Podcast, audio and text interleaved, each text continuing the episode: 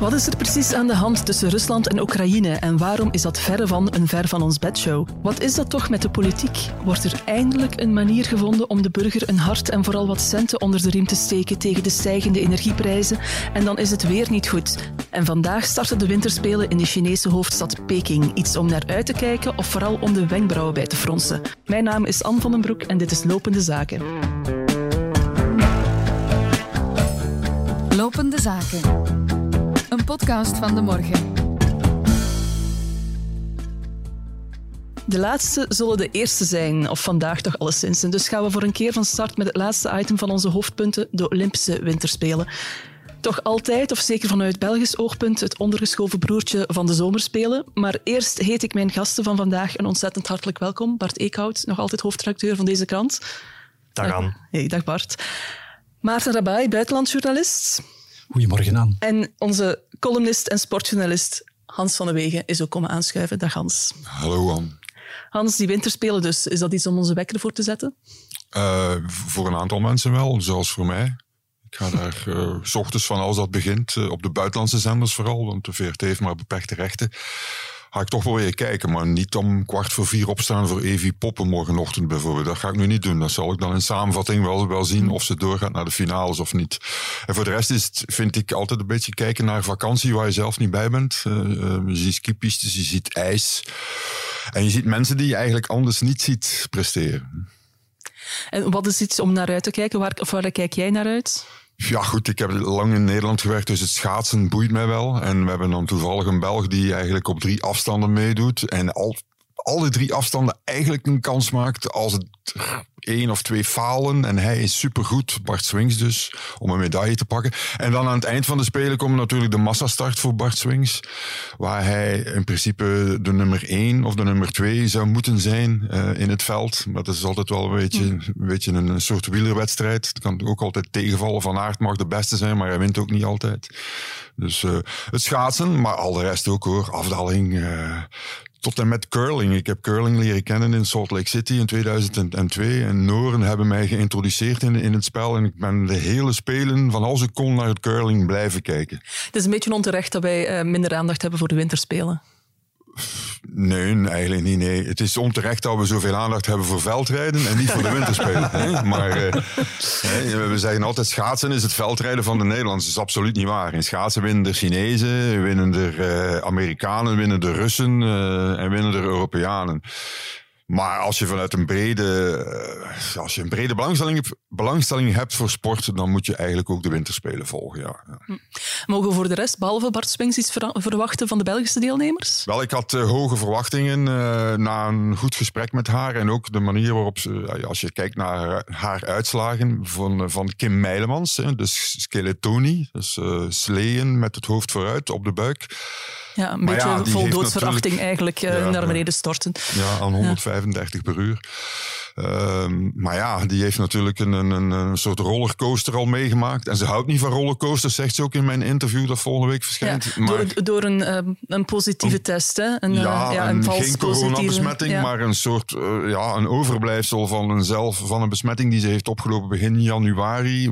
Blijkbaar hm. vinden de Chinezen dat dan nog, maar die steken ook die stok schijnt verschrikkelijk diep tot achter de kleine hersenen bijna. Het schijnt dat iedereen vergaat van de pijn daar uh, als die Chinezen dat doen. En ja, het is niet zo. Bij ons heb je al een keer een, een, een verpleegster of een arts die dat doet in een centrum. En, en aan wie je dan vriendelijk vraagt van moet niet te diep en alleen het rechterneusgat. Mm. Maar daar blijkbaar aan een Chinees dat vragen, ja, is een, blijkbaar een probleem. Dus uh, ja, Kim Meilemans heeft, heeft afgezien. Hè? Dat is ja. duidelijk. Ja. En um, weten we nu ondertussen of dat ze gaat kunnen starten of niet? Want het is iedere dag ander nieuws. Hè? Wel, als ze niet opnieuw positief test, start ze. En als ze niet opnieuw positief test, denk ik dat ze over een aantal dagen wel weer in het Olympisch dorp zal toegelaten worden. Ik denk dat de IOC heeft toegekeken op ja. uh, toch, to, toch de lokale organisatoren heeft gezegd, jongens, geef het niet. Uh, jullie zouden een beetje lakser worden. En blijkbaar is dat dus niet het geval ja. geweest bij Kim en dan, en dan is de vraag hoe groot de mentale weerslag is. Precies, ja. Ze heeft daar sportpsych sportpsycholoog bij, Jeff Brouwers. Maar of dat volstaat natuurlijk om haar terug op uh, on track te mm. brengen. Uh, wat handig is bij skeleton. Als je buiten de baan gaat, uh, is niet echt mooi. Mm. Dus uh, dat weten we niet. Nee. Ja, en internationaal zijn er dingen waar je, behalve het curling dus, waar, je, waar jij speciaal naar uitkijkt? Uh, niet echt. Uh, misschien een beetje ijshockey vind ik ook altijd wel een heel bijzondere sport. Uh, omdat het op een groter veld wordt gespeeld dan bijvoorbeeld de NHL in de Verenigde Staten. Mm. en dan zie je ook andere atleten, andere landen die echt als team zijn voorbereid. Maar ook nu weer met de COVID zijn er een aantal landen die helemaal niet volledig zijn.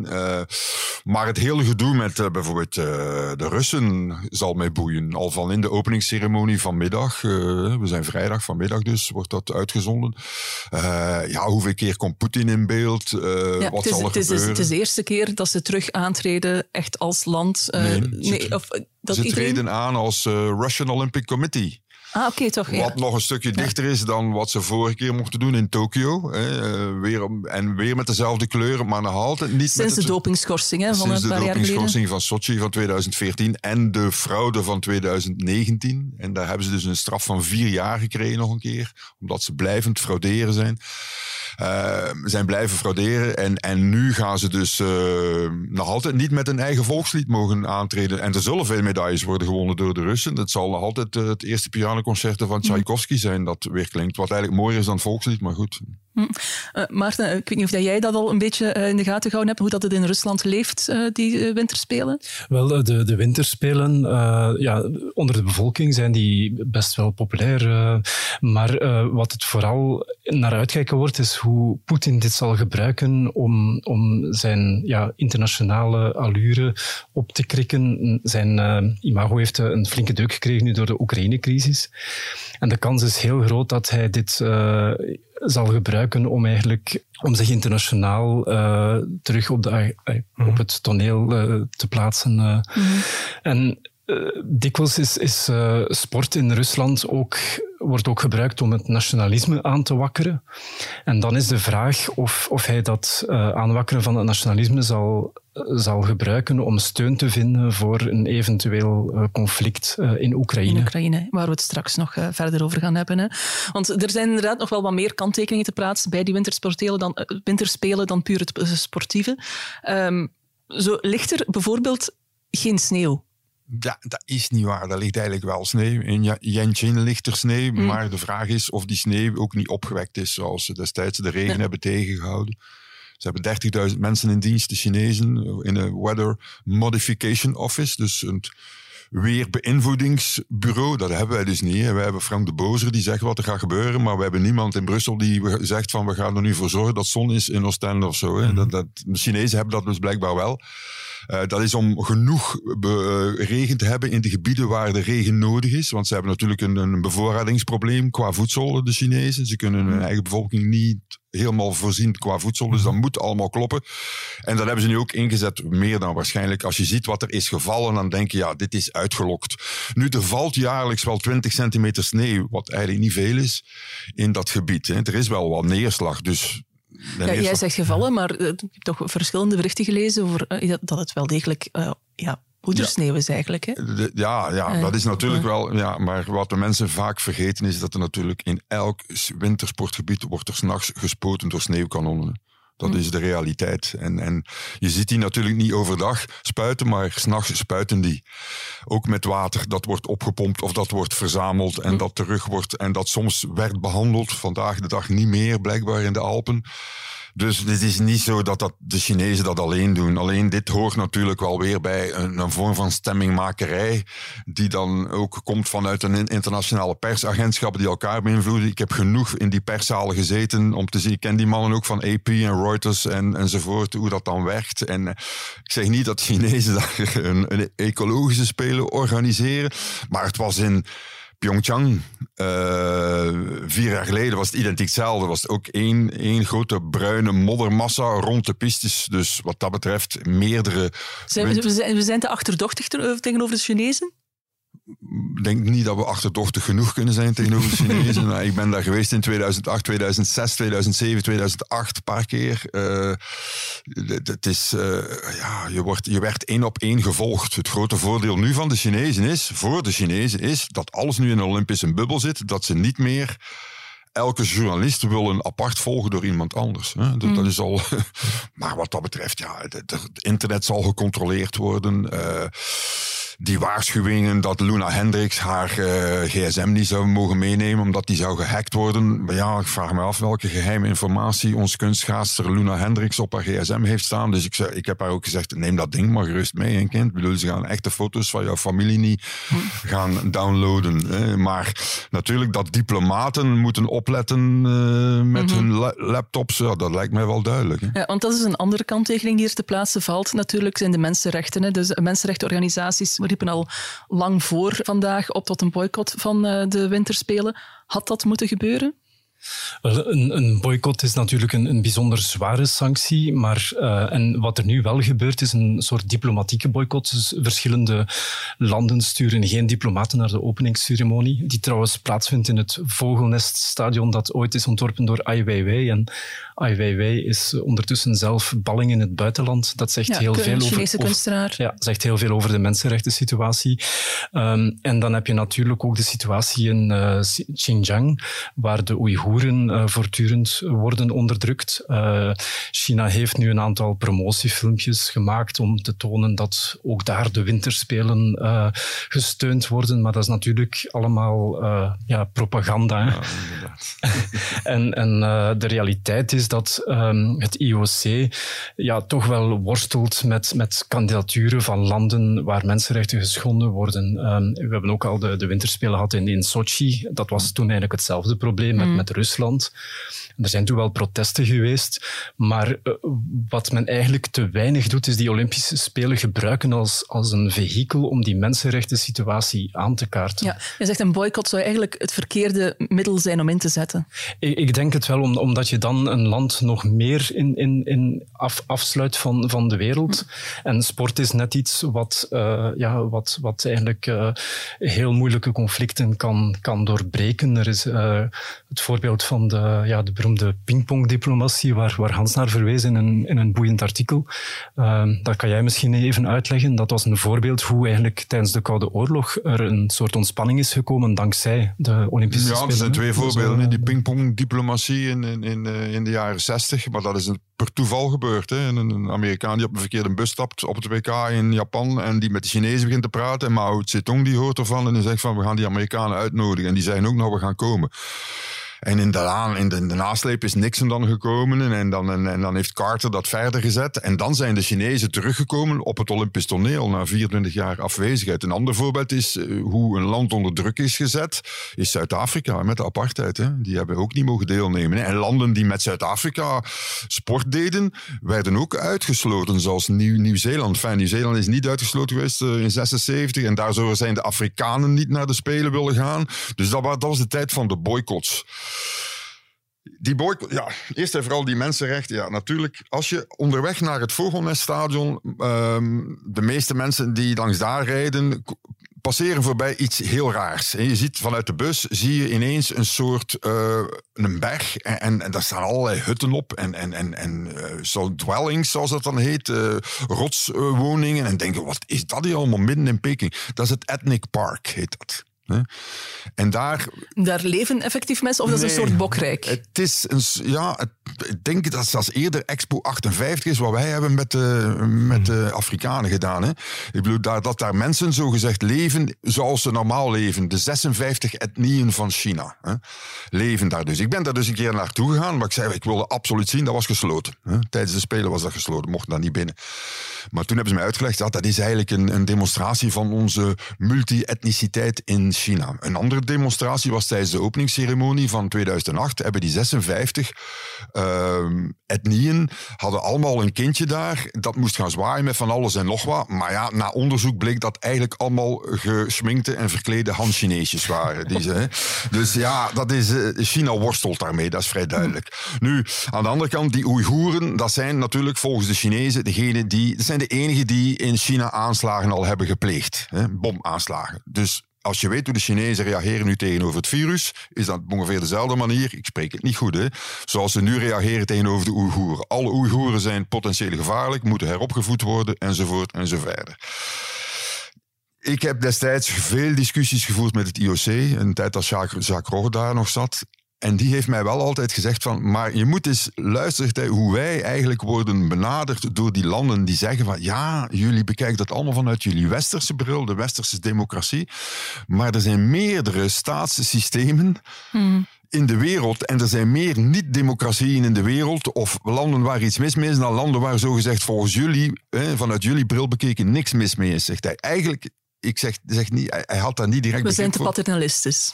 Daar komt het op neer. Wel, Ja, maar je zou het ook een soort westers kolonialisme kunnen noemen. Hè? Van, van wij willen onze staatsvorm opdringen aan al die landen. En de Chinezen zeggen altijd, jullie staatsvorm werkt niet bij ons. Ja, die test hebben we nog niet gedaan. We hebben nog geen vrije verkiezingen gehad in China. De vraag is dan boycotten. 78% van de atleten gaat maar één keer naar de Spelen.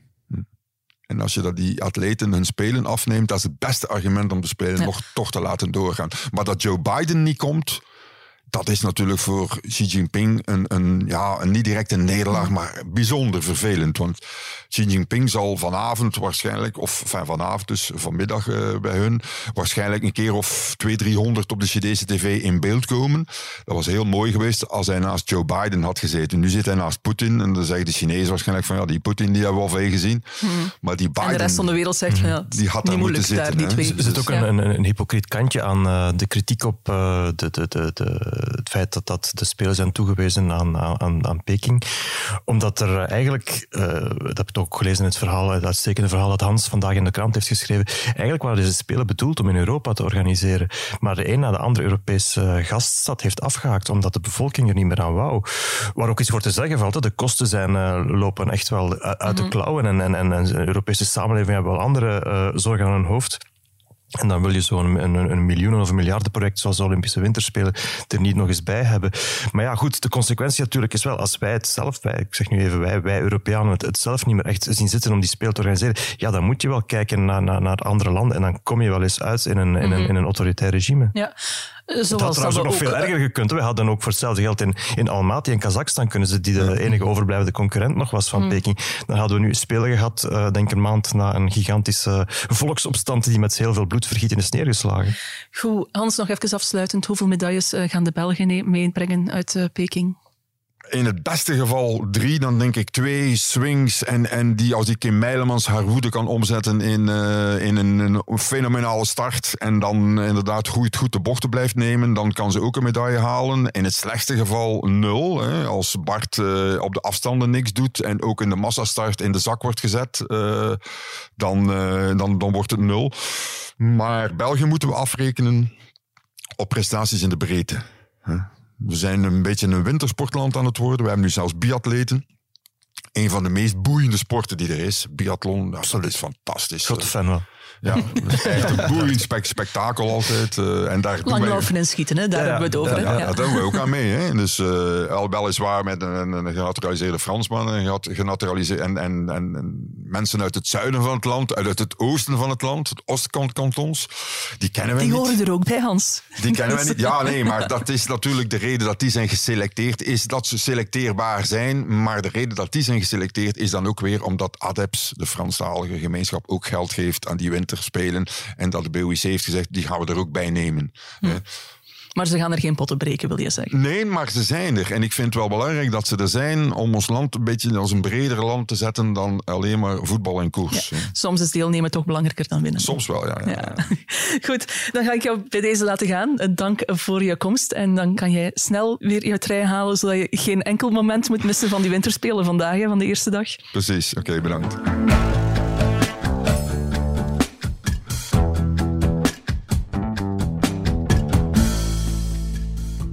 President Putin is a is a leader who has invaded two sovereign countries uh, in the last several years. Um, you know, he's somebody who's used chemical weapons. He's somebody who has pushed propaganda around the world. Uh, we're not predicting that he has made a decision. We don't know that, but we're also taking steps to be ready and to be prepared. We continue to urge diplomacy as the best way forward.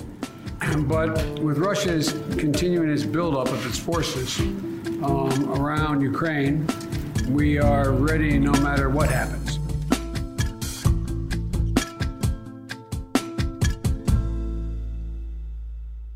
Ten Hans zijn plaats komt hier nog een aan aanschuiven. Uh, aan de Boek, politiek journalist. Welkom, blij dat je er ook bij bent. Dag Anne, dankjewel. We blijven nog even in het oosten hangen, want daar rommelt het al weken serieus. De Russische president Vladimir Poetin, Maarten, je had het er daar net al even over, stuurde al 100.000 militairen naar de grens met Oekraïne. De Verenigde Staten sturen enkele duizenden soldaten richting Oost-Europa voor het geval dat. Maarten, kan je even samenvatten voor wie de situatie niet helemaal gevolgd heeft, wat daar precies allemaal speelt? Ja, wel, wat er eigenlijk uh, aan de hand is, is dat uh, in de voorbije maanden hebben we een gigantische troepenopbouw gezien langs de grens met Oekraïne, dus de Russisch-Oekraïnse grens. Uh, en de voorbije twee, drie weken zijn er nog eens 30.000 Russische troepen bijgekomen en heel wat tanks die ook naar Wit-Rusland zijn getrokken. En dus Oekraïne is eigenlijk nu in een soort van omsingeling terechtgekomen.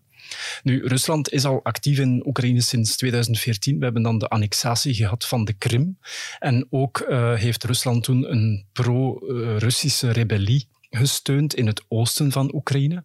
Uh, daar zijn heel veel Russische wapens uh, aanwezig, ook wel Russische adviseurs, dan niet met uniform natuurlijk.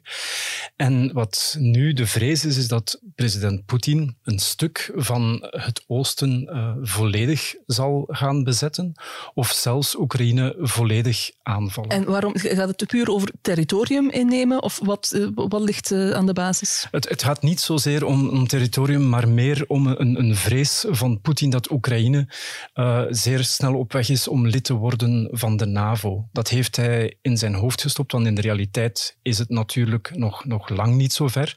Maar feit is natuurlijk dat, dat sinds uh, Oekraïne, uh, sinds het Maidan, de Maidan-protesten in 2013, uh, begin 14, dat is toen bloedig onderdrukt door de pro-Russische president Yanukovych.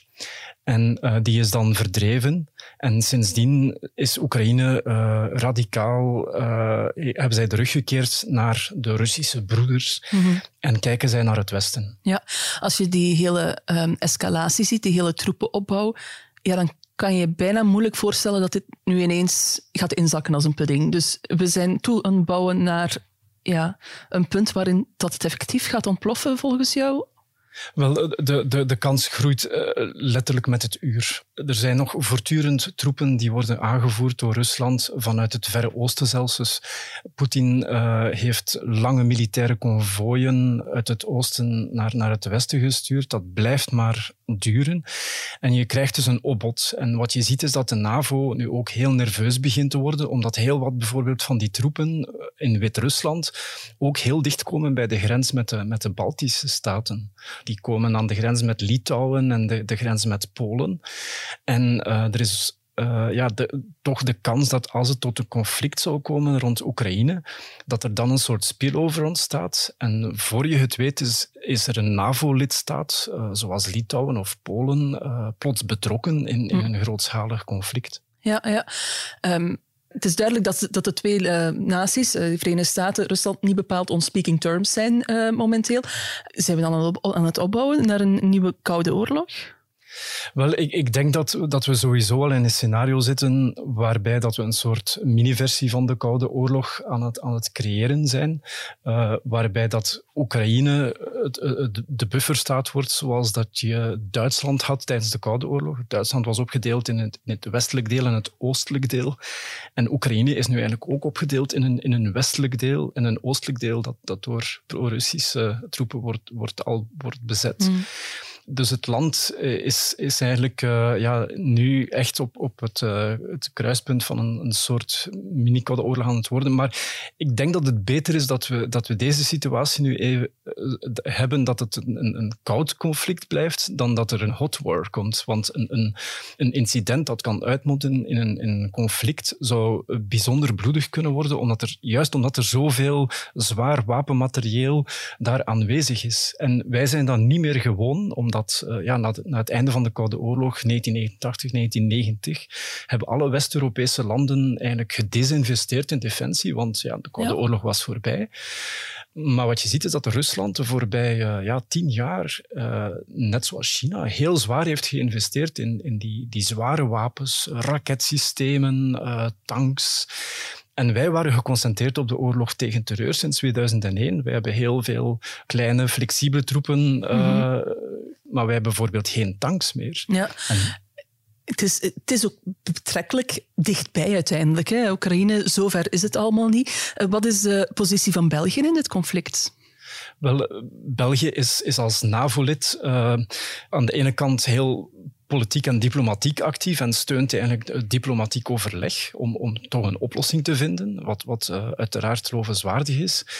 Um, samen met Frankrijk bijvoorbeeld en Duitsland. Dus op dat vlak zijn wij iets uh, diplomatieker dan, dan de VS, die, die iets sneller uh, de, de, de, harde aanpak uh, kiest. Maar tegelijk zijn wij ook wel heel realistisch uh, en dreigen wij ook met economische sancties. Als Poetin tot een incident laat komen of een conflict, dan, dan zal België ook sancties steunen, zoals ja. het afsluiten van de Nord Stream-pijplijn, Rusland uit het SWIFT-betalingsverkeer halen. Dat zijn diplomatieke, dat zijn de diplomatieke. Ehm, en dan heb je het militaire aspect, voilà, ja. waarbij dat België als NAVO-lid eigenlijk al aanwezig is. Wij hebben al troepen in Oost-Europa, weinig... We moeten er geen meer sturen, ze, zijn er al. Ze zijn er al. Uh, dus we hebben bijvoorbeeld in uh, Estland nemen wij deel aan Baltic Air Policing, dat zijn luchtpatrouilles, waarbij dat vier Belgische F-16's samen met uh, op dit moment Amerikanen en Denen en Polen patrouilleren langs de Russische grens. Dus de kans dat daar een Belgische gevechtspiloot oog in oog komt te staan met een zwaar bewapende Russische of Wit-Russische MiG, die, die is eigenlijk heel groot. En als je dan grote spanningen hebt, ja, dan is het soms één menselijke beoordelingsfout die kan leiden tot, uh, tot een conflict. En daarnaast hebben we ook al uh, landtroepen in Litouwen, waar, want ook daar uh, nemen wij deel eigenlijk aan een soort ja, voorhoede van de NAVO die permanent actief is. En dan een derde luik is de zogenaamde VJTF. Dat, zijn, dat is een soort paraadheidsmacht van de NAVO die voortdurend getraind wordt, maar die die in ons, die, ja, die soldaten zijn in hun kazernes, maar die kunnen wel binnen de week vertrekken. En België heeft 300 militairen eigenlijk permanent klaarstaan die binnen de week kunnen vertrekken naar bijvoorbeeld uh, mm-hmm. Litouwen of Polen of Roemenië. Ja. Wat kunnen de gevolgen zijn voor ons land? Gaan wij, als dat conflict daar ontspoort of de situatie vandaag al, is er iets dat wij kunnen gaan voelen daarvan? Uh, economisch zeer zeker. Hè. Toen uh, de Russische gasleverancier drie dagen geleden een belangrijke gaspijpleiding door Oekraïne naar het westen weer opende, zijn de groothandelsprijzen bij ons plotseling 10% gedaald. Um, dus je merkt wel, als het daar echt tot een conflict komt, als dat weer wordt afgesloten, dan gaan wij opnieuw uh, meer voor onze energie betalen. En je merkt, de de prijzen liggen nu al enorm hoog, dus ik denk dat onze regering daar een heel defensieve houding zal aannemen en er alles samen met Europa aan zal doen om, om die escalatie te voorkomen. Dan is het maar om uh, onze facturen een beetje binnen de perken te houden. En, en zelfs als het een beetje blijft uh, etteren, zeg maar, dan nog zullen wij het op, op verschillende domeinen voelen. Uh, Rusland is bijvoorbeeld een land dat uh, de voorbije jaren heel veel aan asymmetrische oorlogsvoering heeft gedaan. Dat is eigenlijk niet met wapenstrijden, maar met alternatieve middelen. En cyberoorlog is daar een, een goed voorbeeld, voorbeeld van. Ja, de aanval zijn... op de havens van deze week, daar ja, wordt ook naar Rusland gekeken. Ja, er zijn, dat staat nog niet vast of het uit Rusland hm. komt, maar er is een gelijkaardige aanval geweest vorig jaar in de VS op een pijplijnnetwerk van Colonial Pipeline. En die hackers bleken uit Rusland te komen. Officieel waren dat dan criminelen, maar uh, er zijn al een aantal voorbeelden van, waaruit bleek dat, dat de Russische overheid uh, ja, uh, hackersgroepen zoals Fancy Bear, dat dat eigenlijk gewoon agenten waren van, van de Russische geheime dienst, die, die mm-hmm. voortdurend bezig zijn met het saboteren van onze kritische mm. infrastructuur. En vergeet ook niet dat in december is Belgische Defensie, dus eigenlijk ons leger, het slachtoffer geworden van een zeer grote cyberaanval waarbij dat de mil.be domeinnaam niet meer goed werkte en heel veel militairen konden zelfs geen mails meer sturen naar elkaar. Mm-hmm. En moet je dan inbeelden dat zoiets gebeurt op een moment dat er een conflict uitbreekt in Oekraïne en dat ze dan tegelijk een grootschalige cyberaanval doen, maar dat plots onze militairen niet meer met elkaar kunnen communiceren. En, en dat is die, die hybride oorlogsvoering, dat is iets wat Poetin, ja, helaas moet ik zeggen, geperfectioneerd heeft in de voorbije ja, tien ja. jaar. En waar wij eigenlijk nog niet helemaal klaar voor zijn om, om dat daar het hoofd aan te bieden. Ja. Als ik dat zo hoor, dan is dat misschien nog verontrustender dan het feit wat je mij eerder uh, deze week vertelde, namelijk dat er in België ook een paar doelwitten zijn die de Russen wel interessant uh, kunnen vinden. Ja, absoluut. Uh, in de Koude Oorlog was, het, was het ook zo dat, dat het bekend was dat, dat Rusland middellange en lange afstandsraketten voortdurend gericht had op de hoofdkwartieren van de NAVO. Waar liggen de hoofdkwartieren van de NAVO? In België. Politieke hoofdkwartier is in Evere, militaire hoofdkwartier Shape is een, eh, ligt bij Bergen, Mons. Uh, en ja, het is een realiteit dat daar voortdurend raketten opgericht staan. Uh, ik denk nu niet dat, dat Poetin zeer snel op die knop zal drukken, maar we moeten. Eh, het verhoogt de zenuwachtigheid. Het verhoogt de zenuwachtigheid. We moeten wel rekening houden dat uh, ja, dat, dat, dat dit eigenlijk ja, doelwitten zijn, mocht het bijvoorbeeld tot een zeer grootschalig conflict komen. Uh, ik denk niet dat het nu zo, zo snel zo'n vaart zal lopen. Maar als het in een conflict tot een escalatie komt, moet je dat wel altijd in je achterhoofd houden waar, je mee, eh, waar wij mee bezig moeten zijn. Mm -hmm. En het is ook zo dat voor het NAVO-hoofdkwartier in, in, in Brussel is natuurlijk ook een, een geliefkoosd doelwit van spionnen. En uh, een aantal maanden geleden zijn, denk ik, een zestal Russische diplomaten uitgezet, die helemaal geen diplomaten bleken te zijn, maar spionnen. Mm -hmm. Je, je zei het daarnet zelf al, de situatie verandert uh, uur aan uur eigenlijk uh, momenteel. Het, je ziet het ook op de nieuwssites. Het ene bericht, het is in liveblogs, het ene bericht volgt, volgt het andere aan snel tempo op. Um, jij volgt dat hele conflict. Hoe hou jij het overzicht? Want dat, dat, daar heb je toch een dagtaak aan? Ja, het is zo dat er inderdaad op dit moment langs verschillende fronten, zeg maar, voortdurend nieuws komt.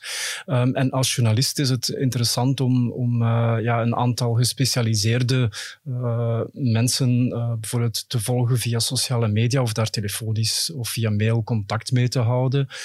Dan gaat het om bijvoorbeeld ja, vakbladen, denktanken, zowel in, hier in, in het Westen als, als in, in Moskou. In Moskou heb je bijvoorbeeld het, het, Carnegie Instituut, dat is eigenlijk opgericht na, na het einde van de, de Koude Oorlog hebben die een vestiging gekregen in, in, in Moskou.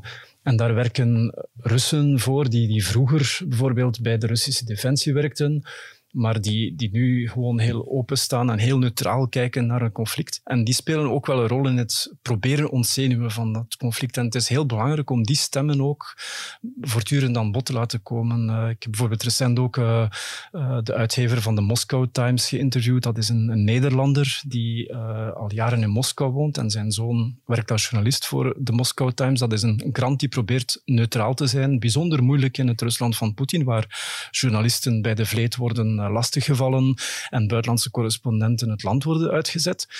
Uh, maar zij, zij, slagen er wel nog in om, om een, een, andere stem te laten horen. En die andere stem is de stem van de gewone Russen. En dat is het hoopgevendste in dit dossier is dat de gewone Rus geen oorlog wil. In 2014 stonden heel veel Russen nog achter de annexatie van de Krim, omdat men dat als een historisch onrecht zag en de Krim historisch eigenlijk altijd wel bij Rusland hoorde. Uh, maar vandaag hebben uh, de Russen geen zin in oorlog met de Oekraïners die zij als een broedervolk uh, beschouwen. En sterker, heel veel Russen hebben gewoon familiebanden met mensen in Oekraïne, want ja. ze waren één groot land gedurende een hele lange tijd. En ik denk dat die binnenlandse druk op Poetin, dat, dat dat misschien iets is waar we moeten op hopen dat die toeneemt en dat Poetin eigenlijk afziet van geweld, omdat, omdat hij zal beseffen dat hij anders in, in zijn eigen binnenland geen ja. steun meer zal hebben. Ja, vandaar dat er ook vanuit Oekraïne toch wel vaak wordt opgeroepen om de kalmte te bewaren, om niet mee te gaan in de escalatie, om uh, Poetin geen... Uh, reden te, geen geven. reden te geven om, om het volk achter zich te scharen van kijk, we worden aangevallen door het Westen, dus we mm. moeten ons verdedigen.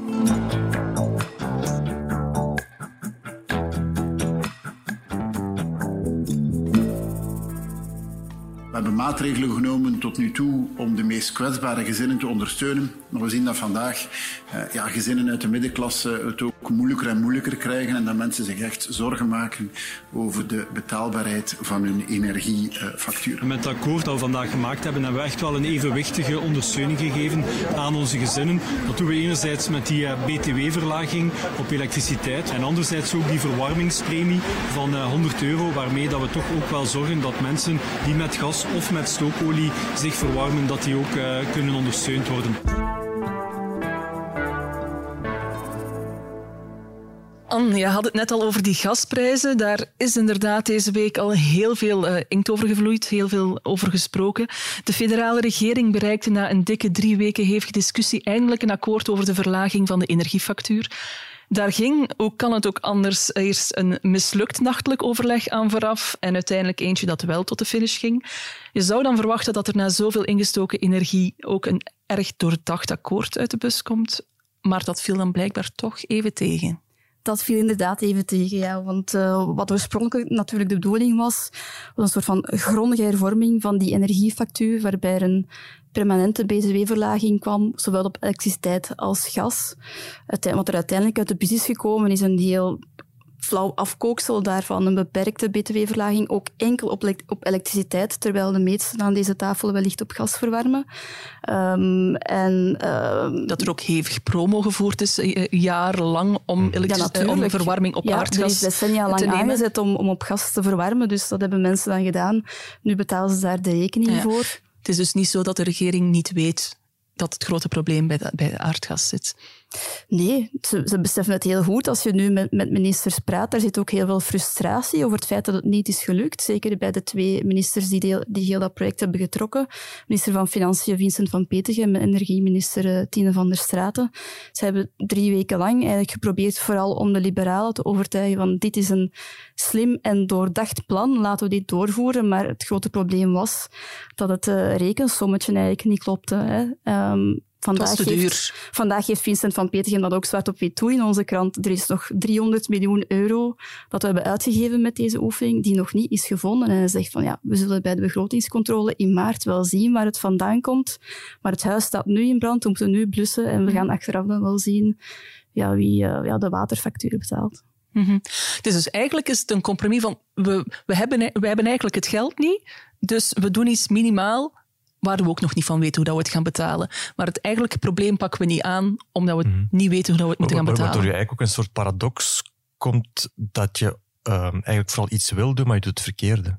Mm. En eigenlijk ben je dat geld dan eigenlijk ook nog gewoon kwijt. Want um, met alle respect, uh, elke euro zal voor iedereen welkom zijn, maar, maar die 100 euro uh, verwarmingscheck die gaat eigenlijk voor heel veel mensen uh, weinig. Uh, het is een eenmalige ja, 100 euro. We spreken terwijl over, voor heel veel over, mensen een factuur hebben die stijgt met die 600, 700 euro per maand. Tien keer zo hoog, het is eigenlijk tien keer zo hoog dan die 100 euro. Hè. Dat gaat mm. over makkelijk 1000, 1500 euro dat mensen plots op jaarbasis erbij zien komen. Ja, dat is natuurlijk een verschrikkelijk. dat, is dat, dat, dat gaat over maandlonen hè, voor sommige mensen. Dus dat, dat is natuurlijk het, de, de grote frustratie bij, bij vele mensen. Dat, dat zij, uh, en ook wel bij, bij de regering zelf, denk ik. Uh, als je bijvoorbeeld vergelijkt met Nederland. Nederland geeft uh, een, een, een cheque van, van 400 euro per gezin. En voor uh, de armere gezinnen ook nog iets extra. Ja, dat is toch al direct het viervoudige. Als je alles bij elkaar denkt, dan, dan kom je denk ik bij de Belgische maatregelen aan 200 euro maximum per gezin. Dus zeg je dan het dubbele. Uh, zij trekken daar, Nederlanders trekken daar 3,2 miljard vooruit. België alles bij elkaar 1,1 miljard, waar dan 800 euro eigenlijk terugkomt via de al ver, verhoogde inkomsten van de BTW. Dus dan zie je gewoon dat Nederland heeft gewoon wel nog uh, uh, marge op zijn begroting om, uh, nu er de nood aan de man is, om in te grijpen. België heeft die eigenlijk niet meer. En we hebben dat, niet, we hebben dat nogal ja. gezien. Hè. De... In Nederland is gewoon de portemonnee beter beheerd dan in België. Daar komt het op neer. Dat is vaak gezegd. En dat is ook vaak er is enigszins meesmuilend op gereageerd. Dat de Nederlanders zuiniger waren. En dat wij beter oog hadden voor de nood van de bevolking. Maar nu de nood echt hoog is moet je, moet, moet je gewoon vaststellen dat het inderdaad het geld niet meer is. Hè. En wat ik net wou zeggen, dat is niet de eerste keer dat we dat meemaken. Ook op regionaal niveau, uh, de verschrikkelijke waterramp in Wallonië, daar heeft de Waalse regering amper een antwoord op kunnen bieden, omdat ze gewoon het geld niet hebben. Ze zijn mm -hmm. sowieso bankroet. Laat staan dat ze dit er nog kunnen bijnemen. En dan zijn ze met de bedelstaf naar het hogere niveau moeten, moeten komen. Uh, maar die hebben dus ook heel weinig middelen. Ja. Is dat allemaal te wijten aan de coronacrisis? Uh, eigenlijk niet. Hè? Eigenlijk niet. Um, deze regering is um, vertrokken met een, regering, met, met een begroting in de min. Uh, eigenlijk heeft de vorige regering, de, Zweedse, de zogenaamde Zweedse coalitie, onder, onder Charles Michel, heeft um, een aantal ongedekte checks uitgeschreven, om het zo te zeggen. Ze hebben belastingverlagingen ingevoerd uh, die niet gedekt waren in de begroting. En er was gehoopt dat de economie dat gat wel zou dichtfietsen. Dat is nooit gebeurd en toen is corona er bovenop gekomen. En heeft men eigenlijk alle begrotingsafspraken losgelaten. Als het de boel bij elkaar houdt, was belangrijker. Dat zag je in andere landen ook, dus eigenlijk viel er wel iets voor te zeggen. Nu zitten we denk ik wel een beetje in een andere situatie. Dat je, um, als je daar nu wat kritisch naar kijkt, kun je wel afvragen of al dat geld wel doelmatig besteed is. Hè? We hebben deze week ook het nieuws gehad dat uh, Belgische bedrijfsleven gemiddeld recordwinstmarges boekt. Dat heeft natuurlijk ook mee te maken dat zij heel veel uh, steunmaatregelen hebben gekregen, waarvan je achteraf kan, kan zeggen van ja, misschien was het allemaal niet zo geweldig nodig. En België heeft wat dat betreft ook wel een beetje een um, traditie van heel genereuze subsidiemechanismen, met name ook in economische sectoren. Bij subsidie denken we altijd, ja, cultuur, kunstenaars, maar eigenlijk het gros van de subsidies zit natuurlijk op andere, op andere mm -hmm. vlakken. Hè. En uh, zeker omdat ook al die subsidiemechanismen ook nog eens verdeeld zijn tussen verschillende bevoegdheidsniveaus. Dus uh, bedrijven, zoals het bedrijf waar wij voor werken, uh, hebben denk ik een deel van de boekhouding eigenlijk fulltime in dienst om te kijken waar ze over overal subsidies kunnen, kunnen, kunnen weghalen. Uh, en zo, zo werkt het bij elke bedrijf. En, maar het, het, einde van de rekening is natuurlijk wel dat, dat um, de, de, de, de staat uh, nog te weinig geld overhoudt voor zijn kerntaken. Mm -hmm. en, en, mochten we dan nog bronnen van, van, van, van, van geld vinden om het gat te dichten tot daar aan toe. Maar we weten dat we arbeidsmarkthervormingen moeten doorduwen, dat we allerlei economische en, en fiscale verschuivingen moeten doorvoeren om dat, om dat te kunnen doen. Maar de regering slaagt er niet in om die, om die beslissingen te nemen. Um, die pensioenplannen ook van uh, Karin Lalieu, die liggen nu al maanden op tafel. Daar gebeurt niks mee. De arbeidsmarkthervorming, MR en PS liggen deze week weer al op ramkoers om, uh, mm -hmm. om die goedgekeurd te krijgen. Dus we, we modderen maar aan. Ja, want dat is, dat is een klein beetje het cynische. Hè? Je weet dat ze al wekenlang aan het debatteren zijn over die energiefactuur. Um, en uiteindelijk wist je vooraf in feite al dat er een akkoord uit de bus zou komen dat niet voldoende zou zijn omdat het natuurlijk ook al lang op deze manier gebeurt. We zagen het al hm. met die dramatische begrotingsopmaak in oktober, toen Wilmes in de nachtelijke uurtjes boos is weggelopen. We zagen het uh, Dat ging ook over de, de, de, over de energiefactuur, dat ging die discussie. toen ook al over de energiefactuur. En toen had elke partij ook al een ballonnetje gelanceerd van ik zou het zus of zo oplossen. Uh, men heeft het toen wel onderschat. Men heeft toen enkele maatregelen genomen voor uh, de 1 miljoen gezinnen die onder dat uitgebreide sociaal tarief vallen, maar voor de middenklasse eigenlijk niet. Um, maar toen voelde je al van ja, ze geraken er niet uit. En dat zagen we dan vorige week, uh, vorige maand ook met de kern. En is dat meer dan een, um, een verschil in visie, een ideologieën die clashen? Is, is, of speelt ja. daar meer dan dat? Absoluut. Ja, er, er, is ook heel veel vrevel over de manier waarop de premier het nu aanpakt. Um, er is vorige week een soort van teambuilding geweest tussen uh, de topministers van de regering in een Brussels hotel. Dat is daar allemaal ter sprake gekomen. Iedereen heeft een keer mogen zeggen wat er op hun, uh, op hun leven lag. En een beetje een therapeutische sessie eigenlijk. Ja, ja. Ja, ja, ja, maar er is ook die nachtelijke vergaderingen zijn toen aan bod gekomen en, en iedereen was ervan overtuigd om hier correcter met elkaar omgaan. Want dan zie, je, dan zie je wel dat een week later, deze mhm. week, dat ze toch weer in die nachtelijke uren verzeilen. Ik moet een beetje tegen onze eigen winkel spreken, want um, een van de voor journalisten aantrekkelijke aspecten van deze regering is dat de premier zelf standpunten inneemt. Hè. Alexander de Croo uh, durft zichzelf ook wel in het debat wagen. Dat is eigenlijk redelijk ongezien voor een premier die het overzicht moet bewaren en ook een beetje uh, de cohesie in zijn ploeg moet bewaren. Bijvoorbeeld in het energiedossier heeft, heeft, heeft Alexander de Croo in het parlement gezegd btw-verlaging, dat gaan we niet doen dan wordt het heel moeilijk en het kost op zijn minst heel veel tijd om van die positie terug te stappen, om ergens in een halfslachtig compromis te eindigen.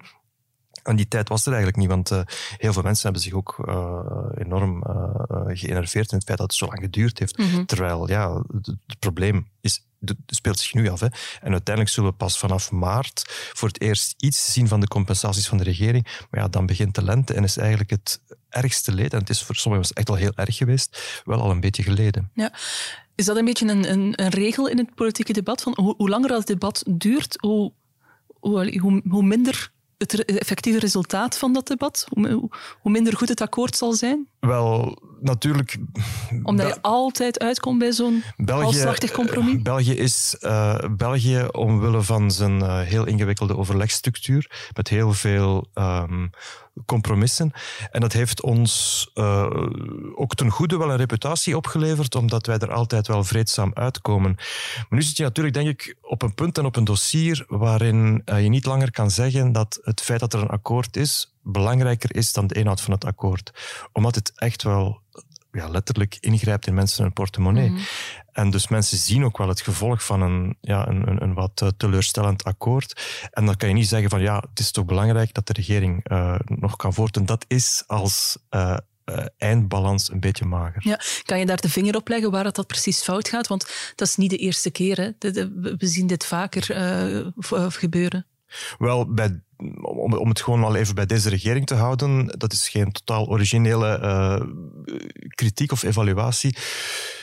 Maar ondanks het feit dat ook deze regeringsvorming weer bijna een recordtijd geduurd heeft om uh, te beëindigd, beëindigd te worden met een, met, met een coalitievorming, is er eigenlijk een heel mager regeerakkoord gesloten met heel veel dubbelzinnigheden en onduidelijkheden, waarin elke partij haar eigen waarheid kon lezen en waarin eigenlijk vooral het idee is, uh, deze coalitie uh, is eigenlijk tot stand gekomen het idee van kom, we doen het en we zien dan wel. Mm-hmm. En uh, allemaal samen tegen corona. Um, maar ja, dat laagje is nu wel, wel, wel helemaal weggesmolten. En dan blijkt eigenlijk dat, dat, dat, dat in dat regeerakkoord um, heel veel tegenstrijdigheden staan.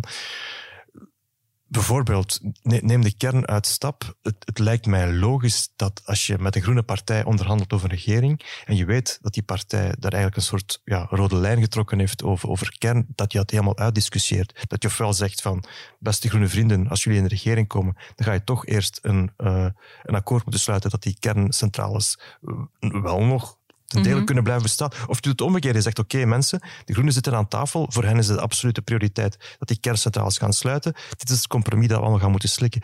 Maar ergens een soort zwart gat creëren en zeggen, we gooien het dossier van de kernuitstap erin en we zien maar wat eruit komt. Ja, dat is natuurlijk een, een recept voor, voor conflict. Ja, ja.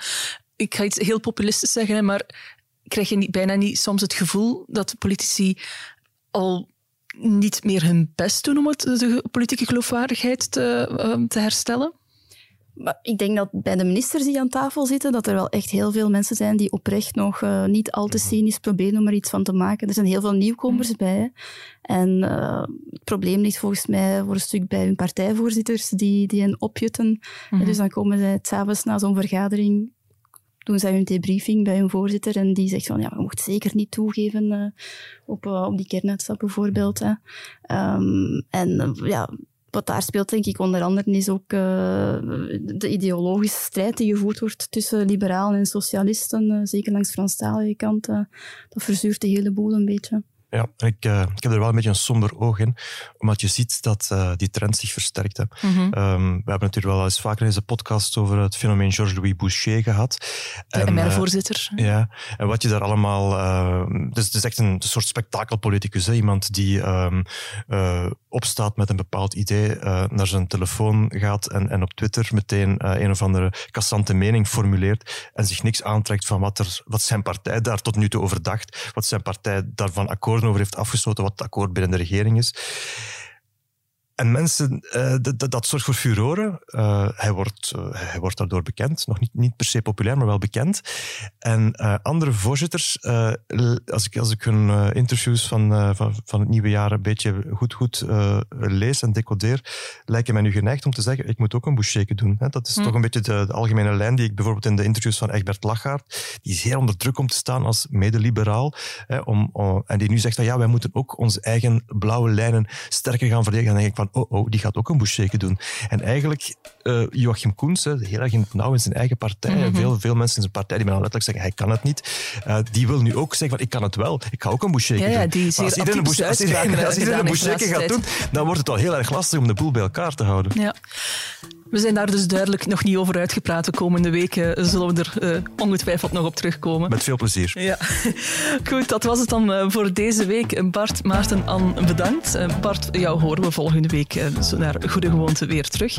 Want dan zijn we er opnieuw met een nieuwe aflevering van Lopende Zaken. In de tussentijd is er podcasts.demorgen.be voor al uw opmerkingen, suggesties of andere bezonjes die u met ons zou willen delen. En dan wens ik u alvast een heel prettig weekend. Tot volgende week.